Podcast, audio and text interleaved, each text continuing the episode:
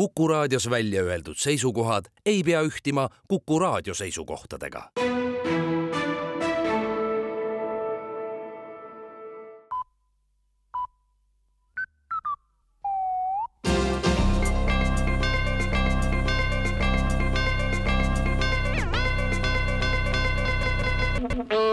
tere kuulama uudiseid stuudios Rohke Develak Venemaa kaitseministeerium annab teada, et NATO poolne oht Venemaale kasvab iga päevaga ja see sunnib Venemaad oma olulist relvastust viima peitu Ukrainasse. hiljaaegu evakueeriti NATO õhu tõttu Kaliningradist kõik õhutõrjekompleksid. juba varem on Eesti piiriäärsed eliitüksused viidud ohutumasse kohta Donbassis. kui NATO surve jätkub, on Venemaa sunnitud peatselt kõik oma relvajõud Venemaalt välja viima, vastavad plaanid on juba väljatöötamisel et päästa veel, mis päästa annab, teatab Riigi Kaitseministeerium.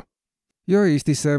valitsus on aktiivselt otsinud õpetajatele lubatud palgatõusuks vahendeid ja nüüd ka leidnud palgafondi kasvatamise eelduseks ongi õpetajate streik. mida pikemaajalisem, seda rohkem on võimalik kokku hoida õpetajate palgarahade pealt ja nii on pärast streiki võimalik maksta juba kõrgemat palka. rahandusministeeriumi arvutused näitavad, et kui õpetajad streigivad üheksa kuud aastas, siis on kolmel kuul võimalik neile maksta juba päris normaalset sissetulekut salajase arvamuse uuringufirmaga annab teada, et eh, hiljuti läbi viidud küsitluse tulemusena sai selgeks, et keskmine inimene tarvitab aastas umbes seitseteist kilogrammi lihatooteid kolmkümmend neli kilogrammi kalatooteid ja kuivaineid keskmiselt sada üheksateist kilogrammi. veel tarvitas keskmine inimene kolmkümmend liitrit piima ja üheksateist kilogrammi muid piimatooteid. küsimusele, kuidas on keskmise inimese keskmise teleri vaatamisega, vastas keskmine inimene, et vaatan, mis ma vaatan, mis see teie asi on, mida ma vaatan. muud ei saagi viimasel ajal teha, kui kogu aeg vasta, mida sa sööd, mida sa jood, keda sa valid, kuhu sa oma keskmise palga paned. seejärel haaras keskmine inimene labida ja ähvardas kallale tulla, kui teda lõpuks ometi rahule ei jäeta.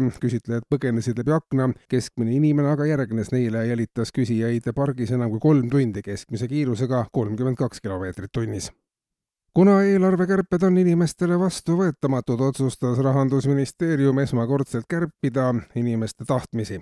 ajalugu näitab, et ükskõik kui suur on riigieelarve, alati on keegi, kes ütleb, et tema valdkond on vähe saanud ja sinna või tänna ei panustata üldse praegusel eelarvel pole tegelikult mitte midagi viga, lihtsalt inimeste soovid ja tahtmised on oluliselt suuremad. seega tuleb kõigepealt tegeleda tahtmiste kärpimisega. esimeses järgus on vaja, et inimesed tahaksid umbes kolmandiku võrra vähem kui praegu. kui oma tahtmisi vähendada kahe kolmandiku võrra, on juba võimalik vastu võtta positiivne lisaeelarve. Kui tahtmised on vähenenud kaheksakümmend protsenti, jätkub praegusest eelarvest juba viieks aastaks õitsva ja jõuka Eesti saavutamine ongi siiani seisnud ainult tahtmiste taga, teatab Rahandusministeerium.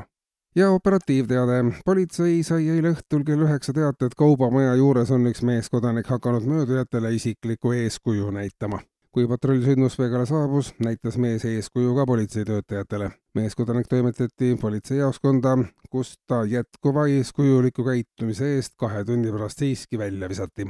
kuulsite uudiseid